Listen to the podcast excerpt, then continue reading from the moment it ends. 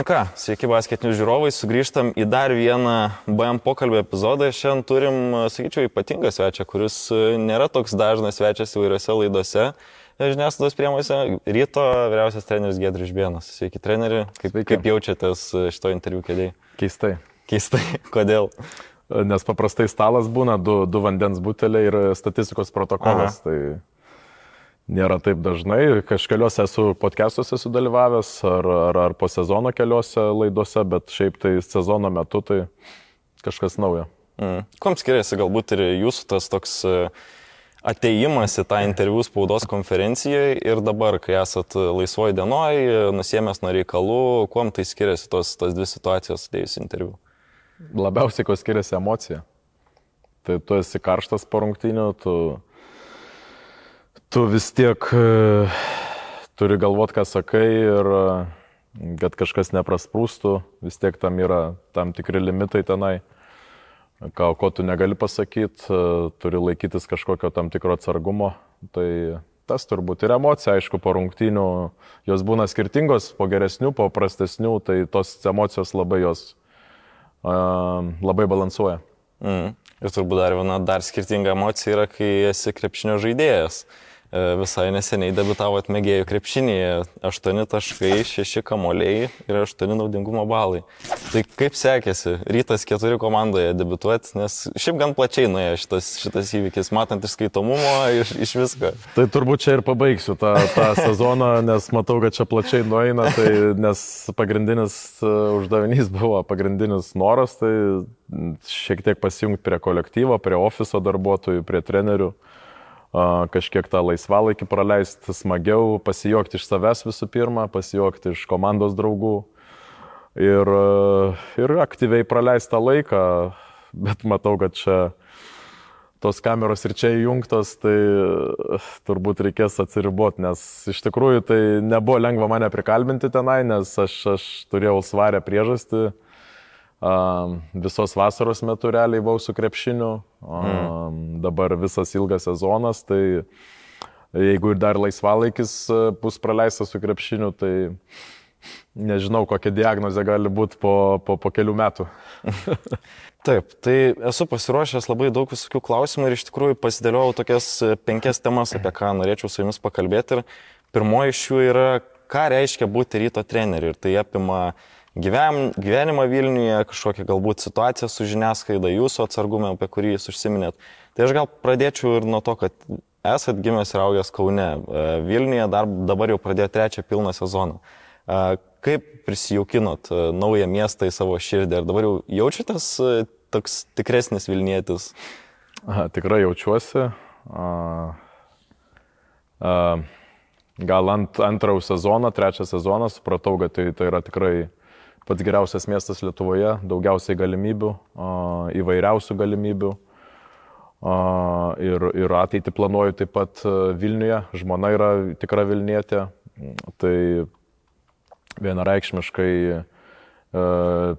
būsiu Vilniuje, ne, ne, nesvarbu, kur, kur ateityje dirbsiu, bet turėsiu čia savo namus ir, ir ateitį planuoju tik tai čia. Mm, tikrai tikiu, kad nu, daug trenerių ir šiaip profesionalų sportininkų yra sakę, kad nu, mieste dėmesio sulaukia nežmoniškai tenais e, apsiperkant, ar nereikia padaryti spaudos konferenciją dar ir žmonėms susitikus.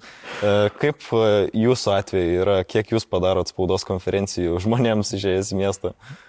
Esu pastebėjęs tokį, tokį skirtumą, kai esu vienas, tai tų konferencijų dažniau vyksta, kai esu su žmona, tai labai nedrasiai žmonės tik pasisveikina, tų tų tokių pasisveikinimų tai labai daug su nepažįstamai žmonėm, bet man tas patinka ir dirbant tokioj, tokiuose pareigose tu tą privalai daryti, vis tiek reprezentuoji savo, savo komandą, repre, reprezentuoji klubą. Nėra, nėra tame jokių problemų, o žinau, kur esu, ką, ką dirbu, tai čia yra normalu, kad žmonės domisi, žmonės nori iš tų pirmų lūpų išgirsti, kaip yra, galbūt kur kartais nepasakom tiesiai į ekraną, į kamerą, galbūt mes jiems kažkur galim pasakyti, tai kai kurie žmonės to naudojasi. Mm.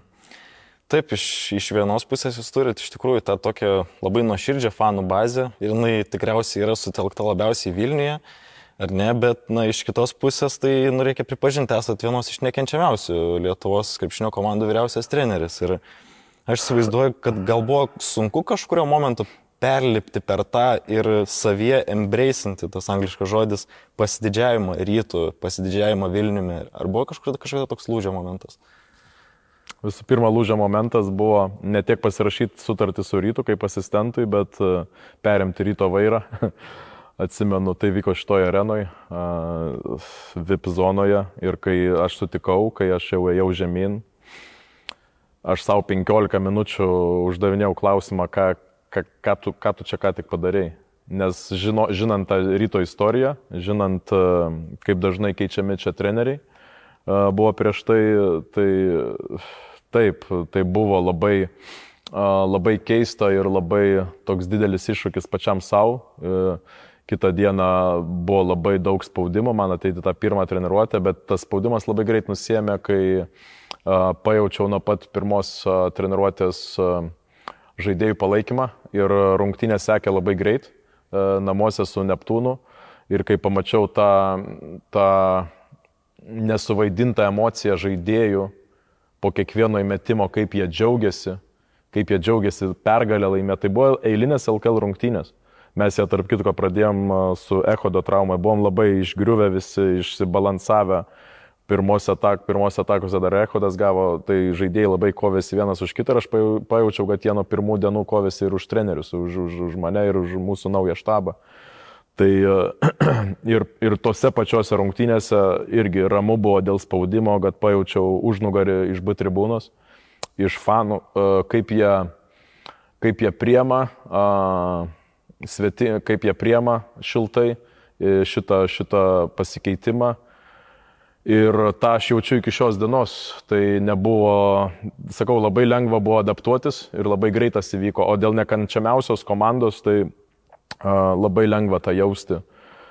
Tu žinai, kad žaidi kažkokias paprastas eilinės LKL rungtynės ir aštuoni žmonės iš dešimt tiesiog serga, kad rytas praloštų, nesvarbu prieš ką žaistų. Tai tą, tą mes jaučiam, tą mes žinom ir žinom, kad kaunamės dėl tų dviejų iš dešimties žmonių. Ir dažnai mes žinom, kad nuvažiavę išvykos rungtynės, ypač tos, tos mažesnės komandos, jos nori būti herojais vietiniais, jos neturi ką prarasti, tie nemetantis žaidėjai staiga pradeda pataikyti, tie žaidėjai, kurie negeba gintis, staiga tampa elitiniais gynėjais. Žinom, kokį turim tą, vadinkim, emblemą nugaros ir ant kurtinės, tą logotipą, kad prieš mus žais visi su, su dviguba energija ir iš pradžių tas gazdino, bet dabar tas veža. Mm -mm. Šiaip man labiausiai jaučiasi per KMT turnyrus, sakyčiau, gal netgi praeitą prisiminus, tai, nu, Jūs žaidžiat e, su Jonava ir jūs turit e, ne tik Jonavos galius, kuriems trukdo, bet dar ir visa kita arena. Ten Žalgerio fanai, Lietkabelio fanai, ar ne? Ir aš galvoju, koks galbūt yra procesas laukia ryto, kad išlipti iš to statuso. Ar iš vis įmanoma kažkaip bėgant laikui panaikinti tą nekenčiamiausios komandos statusą? Manau, kad įmanoma generacija keičiasi, žmonės keičiasi, mato vertybės, kurias puoselėja mūsų klubas, įskaitant socialinės visokias akcijas, kai, kai, kaip mes dirbam tiek, nežinau, buvo kažkokios akcijos karitas su, su, su žmonėm benamiais, su, su gyvūnėliais būna benamiais, kažkokiu akcijų su, su než, nežinau, čia da, daug kas ofise daug ko prigalvoja yra ir, ir Mes turim tam tikras vertybės, tam tikras vertybės turi ir mūsų fanai, kurie mus jau palaiko 25 metus. Jie jų labai įsikibę laikosi ir, ir tą atsakomybę mes jaučiam, o, o kesti ar nekesti mūsų čia yra kiekvieno pasirinkimas, bet manau turim savo, savo auditoriją kuri mus myli, mes, mes gerbiam žiūrovą, mes gerbiam varžovą kiekvieną, manau tas, tas, tas jaučiasi. Pastaraisiais metais iš ryto mes stengiamės tikrai nešvaistyti taškų ten, kur jų nereikia. Taip, gal tose didesnėse rungtynėse ne visą laiką gerai pasiseks, bet manau, kad e, žygiuojam teisingų kelių. Mm. Dar vienas dalykas, ką reiškia būti ryto treneriu, yra turbūt spaudos konferencijos, apskritai bendravimas su žiniasklaida, ką mes darom ir dabar. Tai įdomu paklausti, kiek per tuos metus ryte keitėsi jūsų požiūris į žiniasklaidą, nes, nu, aš apskritai ruoždamas į šiam interviu irgi stebėjau toks taip, kaip jūs bendraudavot, dar atsisėdęs tik ką prisijungęs prie ryto kaip asistentas, e, kaip galbūt koks jūs atviresnis būdavot ir kaip, e, koks dabar esat kartais uždaras. Gauni kelis straipsnių pavadinimus, išeinančius iš konteksto, ką tu gal tik tai du žodžius pasakėjai per visą savo interviu. Ir tie du žodžiai yra į straipsnio antraštę įdėti. Aš žinau ir jūsų darbą, žinau, kad žmonėms irgi reikia tų mm, citatų ir žmonėms reikia tų dramų kažkur. Ta, tą aš pilnai suprantu, bet paskui ta etiketė labai ilgai ne, ne, net limpa, tai stengiasi jas kiek įmanoma riboti ir esant reikalui jas kartais labai protinga yra patilėti. Tai, mm. tai stengiasi per daug neišsiplėsti. Bet mm. šiaip aš suprantu jūsų darbą, kad jūs stengiatės ir užduoti tą klausimą, kuris mums bus nepatogus. Aš žinau, kad tai yra patogus žmonėms, kurie skaitys, bet e, treneriams mums tai yra nepatogus klausimai. Ir e, aš esu iš tų trenerių, kur tikrai viešai mes nenorim kritikuoti žaidėjų, nes tas bumerangas jisai visą laiką grįžta atgal. Jo, tai tikriausiai šitą situaciją, aš atsimenu, čia buvo 21-22 sezonas ir man atrodo prieš antrasias rungtynės su, su Žalgiriu sezono ASG arenui. Pasakėt, kad tikrai jaučiame parako kvapą ir jūs tada pralaimėjote. Tai čia buvo viena iš tų situacijų, kur po to jūs jau atsargiai gal žiūrėjote į žiniasklaidą ir tai, ką jūs pasakot. Mato, tai vėl vienas iš tų pavyzdžių paminėtų pačio kur tu pasakai apie treniruotės. Klausimas buvo, kokio tipo pasiruošimas vyksta. Ir tu įeidamas į treniruotę, tu jauti, kad yra visiškai kitas tas e, nusiteikimas. Tai visiškai kaip, kaip e, žinot, kaip e, prilyginau parako kvapui, nes vis tiek jaučiasi, kad kažkas bus. Kažkas bus, kažkas bus su fanais, kažkas bus uh, su pilna salė, kažkur bus tų ekstra emocijų ir jau, jautiesi, jau, tu jautiesi tose treniruotėse, kad tas jau kyla susikaupimas, tas jau kyla kažkoks, kažkas didelio ateina. Dėl to tą ir pasakiau, o kaip kas interpretuoja, čia jau, čia jau ne man spręs, čia jau žiūrovai ir jų originalumas e, pasireiškia mm. plačiau. Dabar aišku irgi buvo situacija, kai išsireiškia taip, kad uh, E, trenerių atsakymai gali būti neįdomus, jeigu ir e, žurnalistai užduoda standartinius tos klausimus. Tai e, aš pagalvojau ir pritaikiau situacijai, kai jūs po dabar pralaimėto finalo tiesiog pasakėt monologą ir išėjot. Ar tai irgi buvo viena iš tų situacijų, kai jūs tiesiog žinojot, ka, ką, kokių klausimų jūs sulauksit ir nebenorėjot jau tiesiog atsakinėti iš nuovargio ar, ar iš kitų priežasčių? Tikrai taip, nes Žinau, kad e, ten būtų vykę toks kaip ir kankinimasis. Manęs paties ir, ir, ir žurnalistai, jie turi privalo užduotos klausimus, jų yra toks darbas, bet aš žinau, kad e, patikėkit, nėra lengva pralaimėti rungtynės, kai tu dviem minutėm likus penktos rungtynės išvykoje laiminėjai dar taškų ir tu jas pralaimi, penktasias rungtynės, ir eiti į konferenciją ir ten sėdėti 15-20 minučių. Ir aš manau, ta, tas monologas buvo labai išsamus, daug maž paliečiau viską, ką, ką reikėjo, ko pritruko šį sezoną, kaip planuojam ateitį komandos, kaip formuosim naują rosterį. Tai manau ir, ir tikrai, tikrai pa, pa, pabrėžiau, kad su visa pagarba žurnalistams, nes aš žinau, kad jūs norėtų klausimų užduoti ir, ir tai yra normalu. Bet kažkada reikia suprasti ir, ir, ir tą trenerio emociją. Mhm.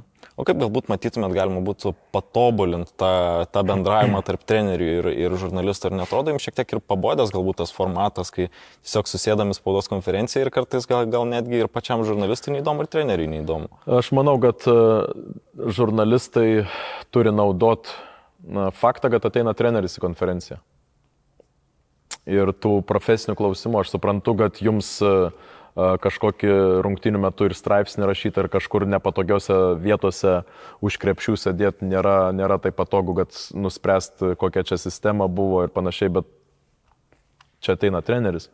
Ir jūs galite jo paklausti, kiek, kiek šiandien planavote, tarkim, gynybinių sistemų panaudoti ir kiek panaudojate. Arba kiek rytas turi derinių.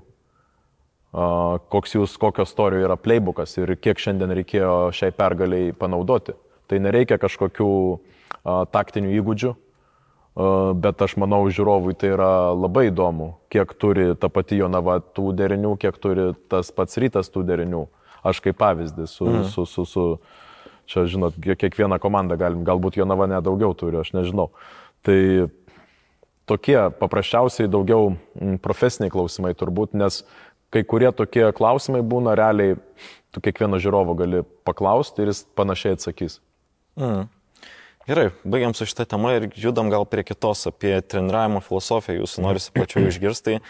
Uh, labai puikiai prisimenu, kad kai Donaldas Kairys tapo ryto treneriu, uh, žiūrėjau tada jo interviu su Donatu Urbanu ir jisai sakė, kad uh, buvo daug akcentuojama, daug kalbų, kad Donaldas Kairys labai akcentuoja polimą, ta gynyba galbūt ir nėra taip akcentuojama taip kaip polimas. Ir kai jo neliko klube, iš esmės liko ta pati sistema, tik tai jinai dabar yra žymiai geriau pritaikyta. Ta prasme, kad yra labai daug atakų, labai sklandus polimas, kas galbūt neatspindi tos gynybos, ar ne.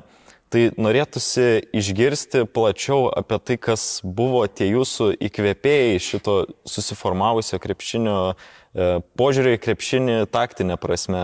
Aš įsivaizduoju, kad Donaldas Krys turbūt ir buvo vienas iš tų, kuris, e, kuris prisidėjo prie jūsų to taktinio suvokimo apie krepšinį.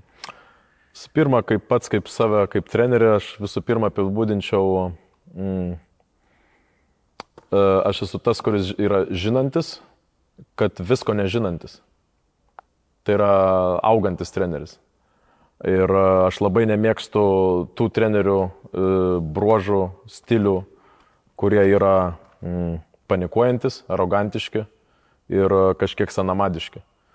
Uh, Sanamadiškas buvau ir aš, panikuojantis buvau ir aš kažkada. Ta gali pa, pa, paliudyti mano buvę žaidėjai krepšinio mokyklose. Bet su, su skirtingom kultūrom, su, su patirtim kitose šalyse, tu, tu tą viską suvirškini kitaip. Ir, ir čia ateini, tu daugiau gerbi žaidėją, nes tu, tu, tu žinai, kad pagrindinis vis tiek aktorius aikštelė yra žaidėjas tu gali bražyti, ką nori, iksiukus, nuliukus, bet visus sprendimus pagrindinius vis tiek karščiausių rungtinių momentų atliks žaidėjas. Dėl stiliaus viso to, taip, Donaldas daug, daug man davęs, aš tą nekartą minėjęs ir iš jo išmokęs visą tą konceptą tiek treniruočių, tiek, tiek viso ypač rungtinių analizės. Ir, ir paskui labai daug aš esu išmokęs iš to pačio Jorgo Dedoso, kuris dirbęs yra Eurolygoje, Olimpiakos klube.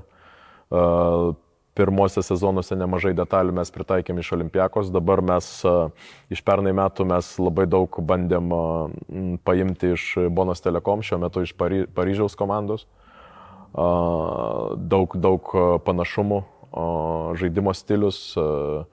Dėl gynybos aš nesutikčiau, nes turime, turime nežinau, neskaičiavęs aš, bet turim tikrai apie 15 skirtingų sistemų. Sistema tai, e, vadinkim, ne tik yra pick and roll gynyba. Ar, e, ar, kaž, ar, ar switcholas, bet uh, sistema yra tai ir kažkur ant low posto, kiek tu turi variantų gintis. Sistema tai yra ir kiek tu spaudimo variantų turi ir taip toliau. Ir susumavus tu turi bendrai 15 galbūt ir daugiau tų idėjų. Ir tai yra labai svarbu, kai žurnalistai to nepaklausia ir jie nusprendžia tas, kaip sakote, svičiolas visas rungtynių metu. Taip, mes jo, jo ginamės, jį ginamės, bet ne tik tai, o, o dėl ko mes kartais praleidžiam daugiau taškų. Visų pirma, daugiau turiu, atakų. Taip, daugiau atakų, bet visų pirma, turiu pasakyti, kad šiuo metu esame treti Lietuvos krepšinio lygoje pagal gynybą, pirmi pagal polimą. Ar mes norime būti pirmi ten ir ten, taip norime, bet e, nebūkime naivus. Tai kitos komandos irgi dirba, kitos komandos irgi turi tam tikrus rosterius, tam tikrus žaidėjus, tam, stil, tam tikrą stilių. Uh, manau, kad nėra blogas rezultatas trečioje vietoje būti LKL pagal gynybą ir čia kartais tas yra per daug išpūstas burbulas. O, o greitą, greitą žaidimo stilių, tai viskas aišku, taip mes norim žaisti ir pagal tai yra surinkti mūsų šiemet žaidėjai ir pernai jie tokie buvo ir Mūsų tai yra vizija, kad žiūrovui nebūtų nuobodu, kad mes galėtume, kaip čia lietuviškai pasakyti, mečinti tribūną B, mečinti savo fanus, prie jų prisitaikyti, nes jų ta energija, kurią jie mums atneša kiekvienų rungtynių metu ir jeigu mes žaisim nuobodų, akademišką krepšinį, mes atrodysim kažkaip prastai. Bet jeigu nebūtų tokios fanų bazės, ar keistus ir jūsų požiūris į, į taktiką? Galbūt, bet uh, ta fanų, ta fanų bazė labai daug įtakoja ir mūsų žaidimo stiliui. Ir, ir kartais, uh, kartais uh, mes net per taimautą akcentuojam žaidėjams, kad prižadinkim juos. Mm. Arba atvirkščiai, kartais mūsų fanai prižadina pačiais sunkiausiais momentais, kai būna minus 10, minus 15 ir tada mes, mes jau skrendam. Gerai, galim pereiti prie, aš pasirašiau etapo ryte highlightai, bet čia nais tokie mano highlightai, aš sakyčiau, jos parinkau kažkokias specifines situacijas ir pritaikiau iš jų klausimą. Na, pavyzdžiui, tie dalykai, kurie mane nustebino. Tai prieš beveik dviejus metus mūsų Jonas Lekšas darė basketinius geriausių Lietuvos trenerių reitingą. Ir jūs tada buvot pradėjęs pirmą savo pilną sezoną ryte ir užėmėt ketvirtą vietą tame reitinge. Kai dar praktiškai, nu, jūs buvot ryte, ten ir trenerių net metų nebuvot, net nebuvo, nebuvot pabuvęs. Tai kiek galbūt, ar jūs patį nustebino visų pirma toks staigus iškilimas ir kiek galbūt apskritai krepšinėje kartais nulėmė, kad nu, tu patenki į tinkamą situaciją ir kažkaip e, tada joje jau fraivini. Ne, aš, aš to ant žemės ir aš sutinku, kad aš patekau labai tinkamą situaciją, tinkamų laikų ir, ir reitingai trenerių, tai čia, nežinau, mes e, su vyr trenerių rinktinės e, esam toj pačioj, tam pačiam lapė ir tie pažymiai ir tie reitingavimai tiek žaidėjams, tiek treneriams, nu, mes turim savo nuomonę apie tai ir, ir, ir gal geriau patilėti kartais. Bet aišku, pamalonina tokie dalykai, bet taip pat supranti, kad tu, tu nesi dar tenai, kur kažkas tave mato, tu tiesiog treniruoji uh, vieną geriausių komandų Lietuvoje, uh, su gerai žaidėjais, su, su gera istorija, su gera organizacija, tu smagu čia pritampi bet e, tai nereiškia, kad tu esi, jau esi geresnis už e, eilę metų patirtį sukaupusius e, trenerius, kad ir kaip jiems nesisektų tuo ar kitu karjeros etapu, tai tą tu supranti. Bet taip pat tu supranti, kad, kad būtum tame, tame tope, tu turi kiekvieną dieną investuotą laiką, tu turi būti aktyvus, tu turi treniruoti tą vieną iš geriausių komandų, tu turi būti surinktinė. Ir e, tu turi būti tose situacijose, kurios yra čia ir dabar, kurios yra naujos, kurios yra modernios, e, kurių tu pamatai gal iš kokių rungtynių aukščiausio lygo ar Eurolygos, e, BCL ar Eurocapo. Ir tu turi tiesiog čia būti. Nes tu supranti, kad tau net nėra 40 metų, tu vis dar augantis esi ir, ir besimokinantis. Mm. Tai yra labai svarbu suprasti. Jo, dar vienas dalykas, na, kalbant toliau apie tą, kad jūs pasakėt, kad e, nesi dar ten kažkur, kur kažkas tave mato, ar ne? Tai e, čia gera proga pažvelgti. Jūs esat ryto trenerių dabar jau pilną trečią sezoną, dar dasideda pusė iš, iš to pačio pirmojo. Ir, na nežinau, gal jūs, pavyzdžiui, stebina šitas faktas, kad jūs gal net esat ilgiausiai dirbantis ryto treneris apskritai.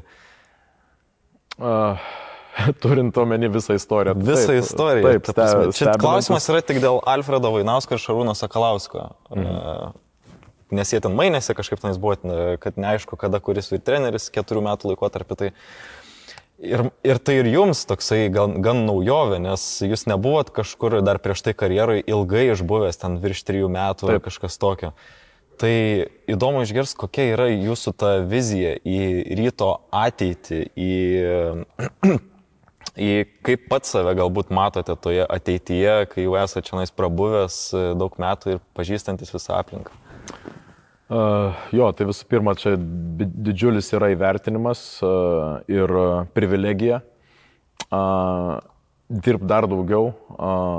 Turiu pasakyti, kad sunkiausios dienos šitam darbė yra dėjofai, nes realiai jos yra labiausiai užimtos su, su visokiam video peržiūrom ir į, į, dažniausiai būna po, lais, po rungtinių dienos laisva diena, tai e, mano darbas yra žiūrėti mūsų jau sužaistas rungtynės, ta, ten, ten yra reikalų atrinkti, kurios klipus tu rodysi komandai, kurios individualiai žaidėjams, tai ta, ta diena prabėga labai greit. O vizija mm, ir investuoti turi daug į save, į, į tas rungtynės žiūrėti, kaip pasakyti, į varžovus žiūrėti, rinktis tą informaciją, būti lankščiam kiekvienai naujai informacijai apie viziją, norisi to uh, augimo, norisi to stabilumo, norisi ir jau plėstis iš Jeep arenos. Ta, ta jau turbūt po truputį afišuoja ir, ir, ir, ir pats miestas, ir organizacija.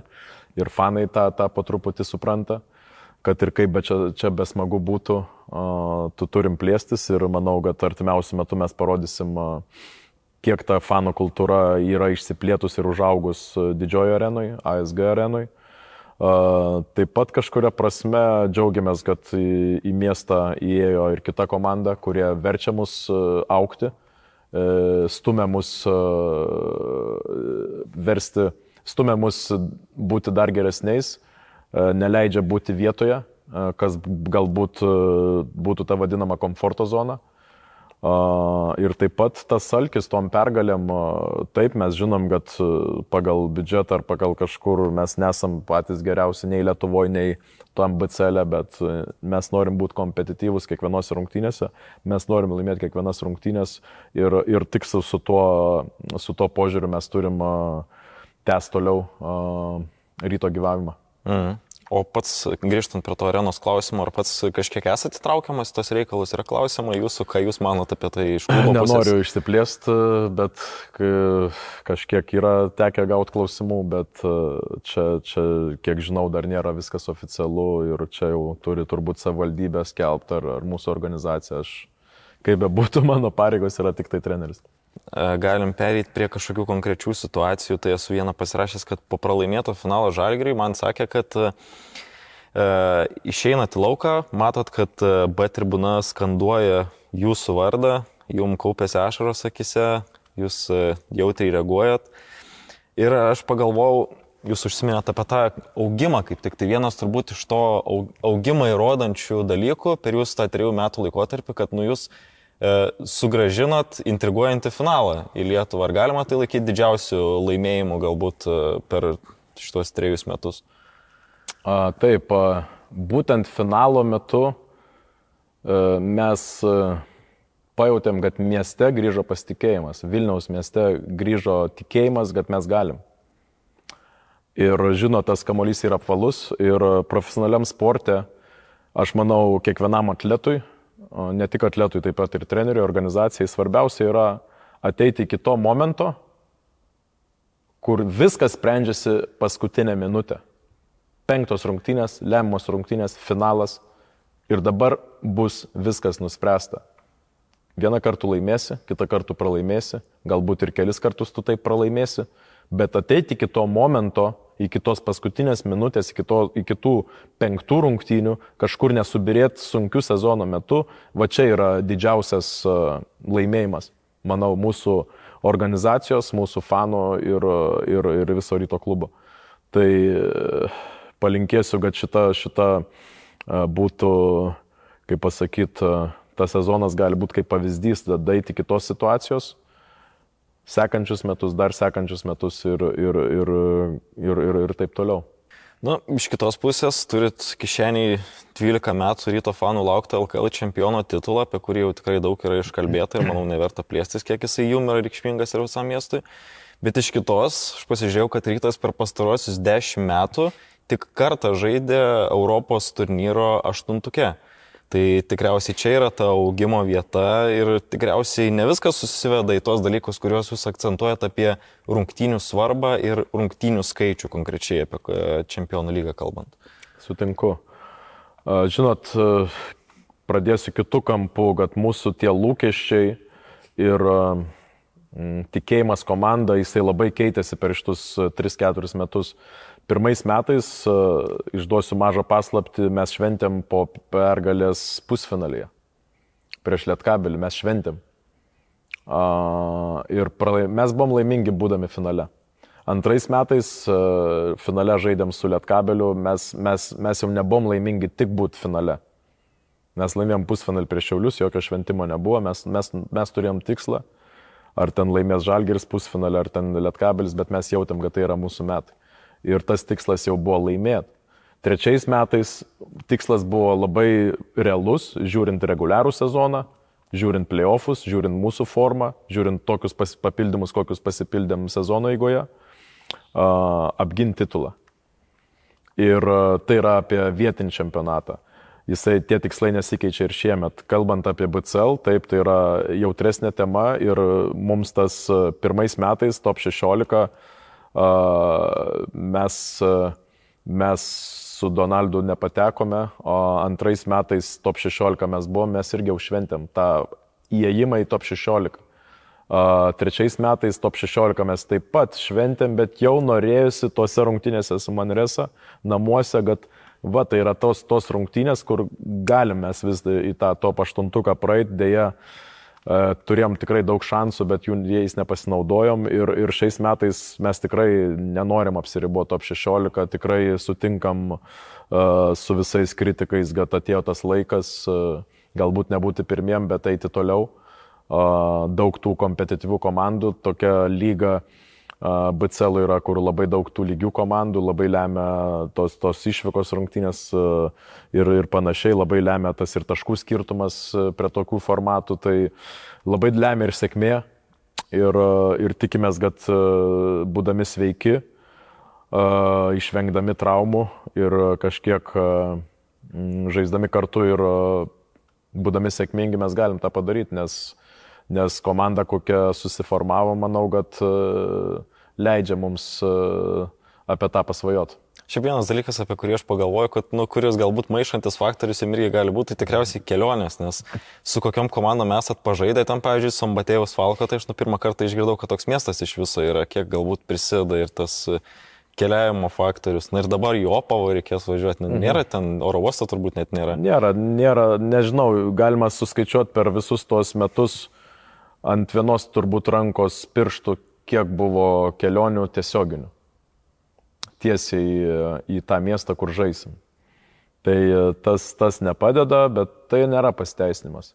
Taip, mes kaip organizacija, mes turim spręstos dalykus, mes matom, kad tai kartojasi, kad tie du skrydžiai e, plus autobusų važiavimas 3 ar 5 valandas dar iki, iki kažkokio miestelio, tai mus išdaužo, tai tas faktas yra mūsų išdaužo trečią nakties kelimasis ar ketvirtą nakties kelimasis ir vykimas į oro uostą, tai sportiniam organizmui reikia atsigauti dvi dienas.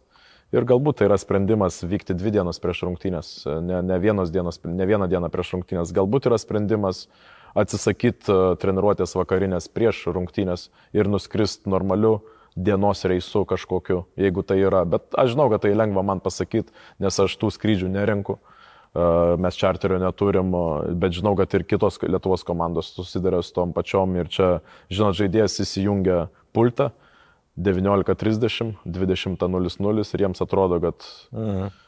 tos kelionės nebūtų, komanda turi laimėti, nes prieš kokius čia molius žaidžia. Tai, o kad sportinis organizmas jisai yra iš, iš, išdaužytas, išbalansuotas, tai per transliaciją to niekas nepasakys.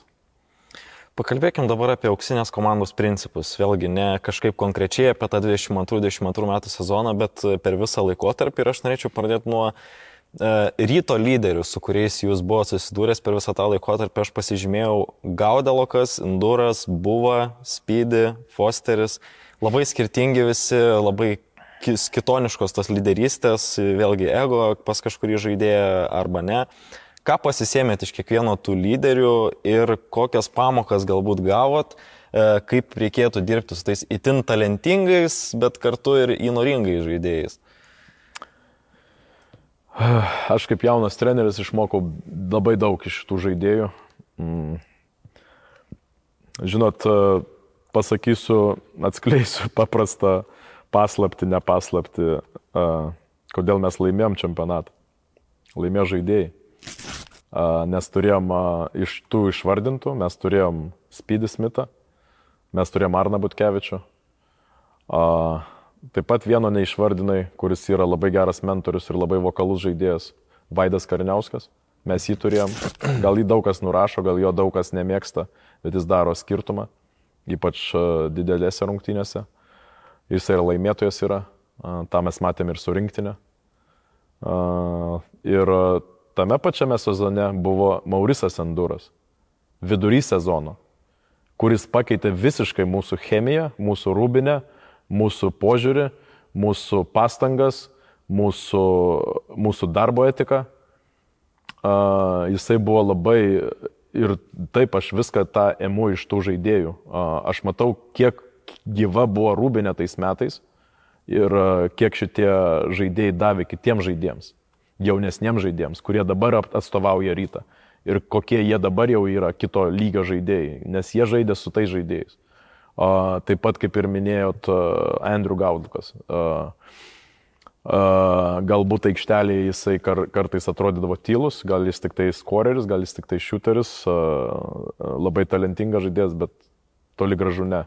Tai yra kur kas daugiau, negu jūs matėt uh, jį laiminti tritaškių konkursą ar, ar vieną po kito uh, segantį tritaškius uh, mums laimėtose rungtynėse. Tai jis yra kur kas daugiau, jis yra didelis žaidėjas ir uh, paliko didelį įspaudą. Uh, galiu pasakyti visų pirma mums treneriams, uh, štabui.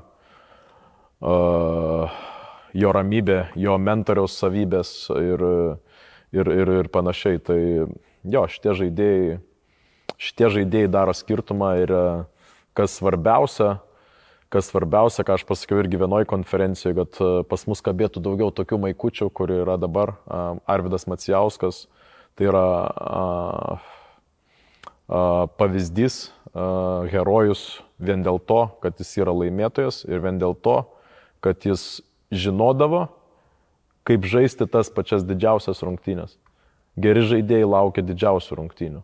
Ir jie, jie parodo visas savo gerasias savybės per tas didžiasias rungtynės.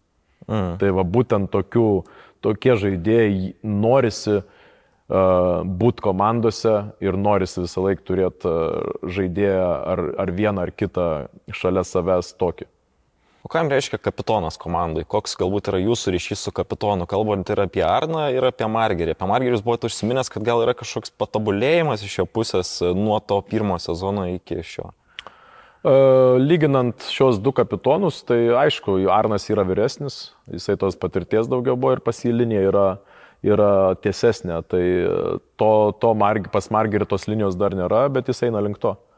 Uh, Jis, jis jau yra sukaupęs, jis jau ryte yra tre, trečią sezoną iš eilės, neskaitant to, kuris dar jaunas, kai žaidė. Uh, tai iš tų, trijų, iš tų trijų sezonų, du sezonus yra kaip kapitonas. Jisai, kai dar jaunas buvo, prie, prie Jomanto buvo, jisai iš jo daug išmoko. Uh, žinau, kad ir dar dabar paklausė jo patarimų. Uh, taip pat iš Arno jis daug ką išmoko. Ir jisai yra tas, tas kapitonas, kuris yra vis dar augantis kapitonas, bet aš manau, kad jis teisingai auga. Mano ryšys su juo irgi yra pagerėjęs, galbūt ir dėl vasaros praleistos rinktinėje, galbūt ir dėl to, kad labiau to pasitikėjimo yra trečią sezoną iš eilės dirbant kartu. Mes privalom būti atviresni vienas kitam ir manau, kai tu bendrauji su žmogumu atviriau, viskas vyksta paprasčiau.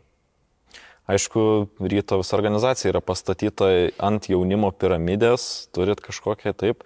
Ir kažkurio metu tikrai buvo ryte labai daug įvairių talentų. Sirvydis, Marekas, e, Marčiulionis, Tubelis, tas pats, kuris dabar jau sugrįžo, bet pastaraisiais metais nu, nebuvo kažkokių ryškių žaidėjų ateinančių iš jaunimo sistemos į pagrindinę komandą. Tai Nors paklausti, ar tai tiesiog yra kažkoks natūralus procesas, kai nėra tų talentų 4-5 metus ir po to jie vėl kažkada užauga?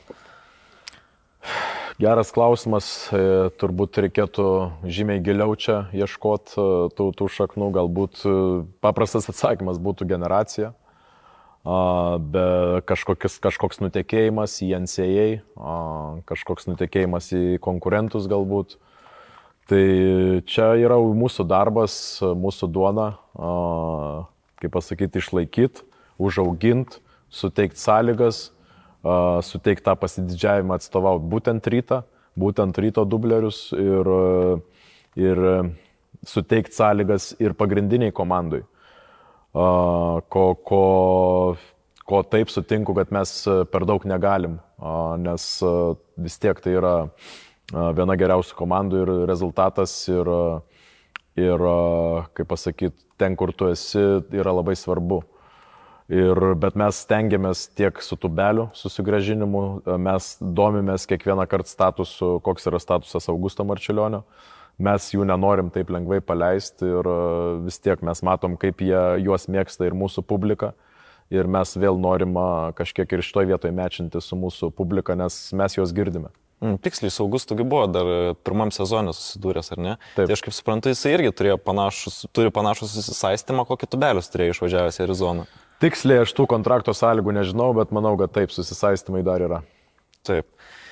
E, dar vienas dalykas, kurį pasižiūrėjau, tai kai jūs tapote ryto treneriu, šiaip įvyko viskas labai įdomiai. Ten vienu laikotarpiu jūs ir pats tada sakėte interviu, kad vos tik man tapus ir treneriu, iš karto atėjo Donatas Zavackas po dviejų savaičių, bet tuo metu, tame tarpe dar į komandą atėjo tarptautinis skautas Matas Urbanas, kuris dabar dar užima ir e, jaunimo programos vadovo pareigas, man atrodo. Taip, tai, e, kokias funkcijas būtent atlieka Matas Urbanas komplektuojant komandą ir kiek galbūt jos yra svarbios apskritai žvelgiant į visą Lietuvos krepšinį, tą tarptautinio skauto pareigybę? Be galo svarbios. Be galo svarbios, tai nėra paslaptis, kad matas iškasa tų žaidėjų, kurių mes patys neiškasam ir jisai bendrauja su agentais labai daug ir jisai visas, visas turi, visas antenas iš, iš, išskleidęs pastoviai viso sezono metu, aš jau nešneku apie vasarą, jisai duoda mums pavardės, tada mes virškinam, taip, taip pat e, Džordžas labai daug e, turi pažinčių, irgi tos antenos vadinamos pajungtos labai stipriai. E, Gustas tada dalį tų žaidėjų perfiltroja ir jau to žaidėjus, kurie mums tinka pagal mūsų tas savybės, tada jau jie ateina iki manęs ir man jau reikia tuos daryti skambučius ir, ir vadinkim, pradėti dėrybas, rolės pasakot ir, ir, ir, ir panašiai. Tai labai svarbus ir nežinau, ar visos komandos tą turi, bet aš tai šio laikinės komandos be, be skauto, aš nelabai įsivaizduoju per, perduoti tą darbą treneriams ar, ar GM-ui ar kam. Tai mes be mato, nu tikrai sunkiai judėtume vasarą. Jo labiau, kad aš pats su, su rinktinė būnu, tai tikrai to laiko ekstra nebūna tom paieškom.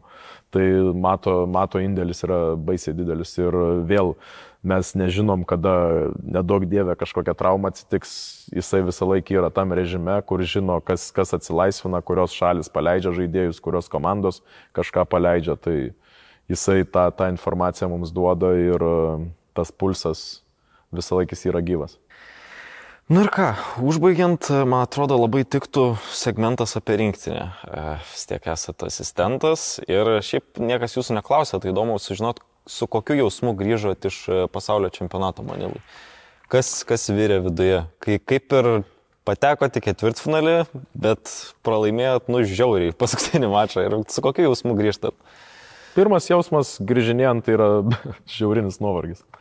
Antras jausmas yra Tas pirmą savaitę buvo bloga, jeigu taip šnekant apie emociją, nes tos paskutinės rungtynės gal labai daug ką uh, iškreipė vaizdą, uh, tas, tas tokia veidrodžių karalystė gavosi uh, iškreipta, bet iš tikrųjų tai po tos savaitės, po pirmos savaitės, kaip ir sakėm, po savaitės visi čia pamirštas rungtynės su Latvijais, visi matys šeštą vietą pasaulyje aplenktos e, Prancūzijos, e, Australijos, Brazilijos rinktinės, Slovenijos rinktinės, nu, galima vardinti, bet Graikijos rinktinės, bet ar, ar šeštą vietą pas, pasaulyje yra blogai. Aš esu girdėjęs Rimo Kurtinaičio pasakymą, kad mm, šiais laikais rinktinė žaidžia tik dėl atmosferos, nes mes čia visi didžiuojamės atmosferą, gerą atmosferą ir panašiai. Uh, Anksčiau mes žaisdavom dėl, tik dėl aukso. Taip, aš, aš sutinku, kad tas, tas rezultatas žiauriai svarbus yra, žiauriai yra didelė svajonė surinkti ne kažką laimėti. Bet taip pat turim suprasti, kad krepšinis tampa globaliniu sportu, globalizuojasi labai ir tas, tas kas buvo prieš 30 metų, prieš 30 metų kai kurios rinktinės, ar jos ten iš vis egzistavo, dabar jos turi ND žaidėjų viskas, viskas plečiasi, tas, visos tos žinios pasiekimos treneriai, uh, treneriai jie keliauja aukščiausio lygio per visas šalis, įskaitant trečias pasaulio valstybės. Tai žinot, čia uh, tas procesas, tas krepšinis yra augantis ir patekti į pasaulio čempionato ketvirtfinalį, užimti šeštą vietą yra big. Mm -mm. Taip, nuoskauda yra, kažkur galėjom, turėjom tuo metu aštuonias pergalės iš eilės, serbai buvo po pralaimėjimo italams.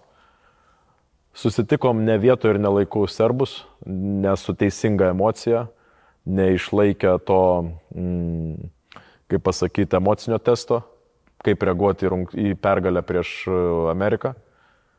Irgi mes buvom realiai jauna komanda, tai ne visi su to susitvarkėm. Ir bet jau laiko neatsuksi, turim pamoką ir e, dabar yra kita svajonė - visų pirma patekti į olimpiadą.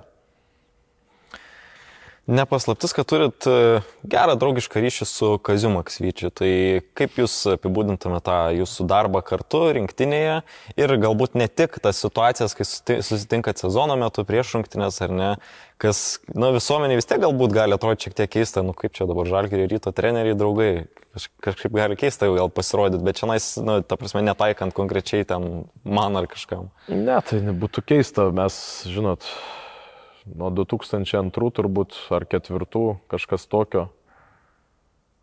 Ne, meluoju, nuo 2000, jo, nuo 2004 turbūt esam pažįstami, tai buvom draugai, Kaune mes dirbom skirtingose krepšinio mokyklose, susitikdavom dažnai mm, miesto čempionate, e, jaunimo lygose su savo komandom, taip palaikėm gerus ryšius ir dabar būtų keista, kad būtų kitaip. Staiga čia aš treniruoju rytą, tu čia žalgi ir tai čia tipo ką.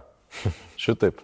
Nu, tie darbiniai santykiai yra, mes per daug ten uh, sezono metu nebendraujam, bet ateina rinktinė, mes visi su šypsenom susirenkam ir, ir einam vardant to tikslo ir nesu, esu nekartą minėjęs, kad nei Kazys ten slepia kažko nuo manęs, nei, nei aš ten slepiu nuo jo kažko. Einam to, to bendrų tikslų, kas kiek turim tos, tų žinių sukaupę, tos informacijos sukaupę, tų situacijų praėję, tai tikrai e, dalinamės ir einam iš vien.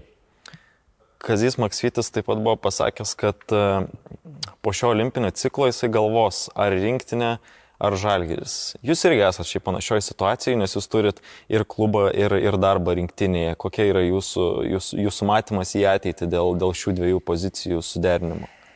Nėra paslaptis, kad labai sunku yra suderinti, labai sunku. Emocinis nuovargis yra didžiulis.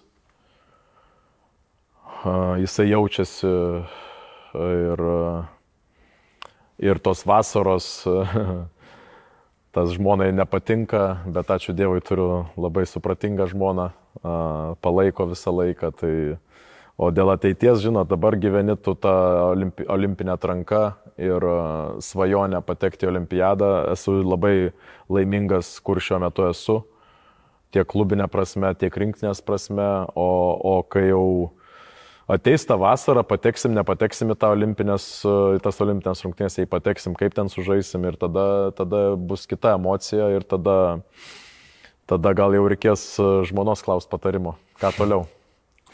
Gerai, šiaip iš manęs klausimai baigėsi, bet turim dar vieną žiūrovo klausimą. Aš praeitoj savo kiemo, savo kiemo laidoj pasakiau, kad tiesiog žmonės užduotų klausimą ir mes padovanosim džemperį jau tam geriausiam klausimui, kurį išrinkom. Tai ir tuo pačiu geras būdas nusimesti atsakomybę nuo savęs, nes kaip ir ne mano klausimas. Tai, tai džemperį laimi vartotojas ehem.67, prašysiu jo susisiekti su basketinius komanda jūs laimi džemperį ir jo klausimas treneriui Žibėnui yra toks. Aš jį šiek tiek pataisysiu, nes yra faktinių klaidų. Čia rašo, kad pakeitus Adomaitį, tai pakeisiu į pakeitus kairį ir įlipant į jo gana didelius batus, kokie didžiausi sunkumai, iššūkiai ištiko treniruojant komandą. Tai čia klausimas nesibaigia. Ir kokie tikslai ir siekiai ateičiai. Rinktinė kaip pagrindinis treneris ar gal Eurolyga? Tai gal pradedant nuo tos pirmos dalies apie didži didžiausius sunkumus pakeitus kairį. Didžiausi sunkumai. tai turbūt e, ne tik aikštelėje, kiek už aikštelės ribų būnant treneriu yra reikalų, nes tu, tu sulauki tų random skambučių, dar darbo skambučių, kartais vadinama 24-7. Ir tu turi jos atsakyti, tu turi reaguoti. Geriausias pavyzdys, man labiausiai įstrigęs, tai buvo man po pas, pasipiršimo žmonai, praėjus 5-6 minutėm buvo skambutis iš Donato Zavatsko. Ir iškart reikėjo man skambinti amerikiečiai o, ir derinti sąlygas, nes ten, ten buvo labai skubu. Ir aš to negalėjau nukelt. Ir aišku, visa vakarienė atšalo ir, ir, ir panašiai. Tai, Man, mane, yra, mane užmušta, žinokit, mano draugė. Tikrai. Bet pasikartosiu, žmona tą supranta, kitą kartą atsisėdi kažkokioj toj pačioj romantiniai vakarieniai, kažkur Italijoje nuvažiavęs vasarą. Septintą užrezervuoji stalą, po septynių penkios skambutis reikia skambinti. Ir tu realiai valandai out. Mhm. Tai tas gal yra sunkiausia, bet nemanau, kad čia vien tik tai ryte tas, tas vyksta, čia yra mūsų trenerių tokia dalia, mes patys pasirinkom tą profesiją. Uh, ir labai svarbu turėti e, artimuosius, e, kurie tai suprastų, palaikytų, kitą kartą pas tevelius nuvažiavus irgi kažkur reikia vieną kartą ar du kartus tu per sezoną gali nuvažiuoti ir tu vis tiek kažkur telefonėsi. Tai kaip ir atrodo nepagarba, kartais ir žmona tą, tą pastabą pasako, bet iš tikrųjų vyksta tie reikalai ir tu negali jų atidėti. Uh, tai į pirmą dalį turbūt tas yra sunkiausia. Ir, o pradžioj, kai tik perėmiau tą, tą, tai sunkiausia, aišku, tas buvo spaudimas, bet sakau, jisai buvo labai greit nuimtas žaidėjų pagalba, kaip jie, kaip jie, dar ką norėjau pasakyti, kaip jie nesuvaidinta emocija tas rungtynės prieš Neptūną žaidė po kiekvieno įmetimo, po kiekvieno geresnio epizodo ir kaip jie tikrai džiaugiasi po rungtynėm, po rungtynių, eilinių rungtynių, ko tikrai nėra dabar.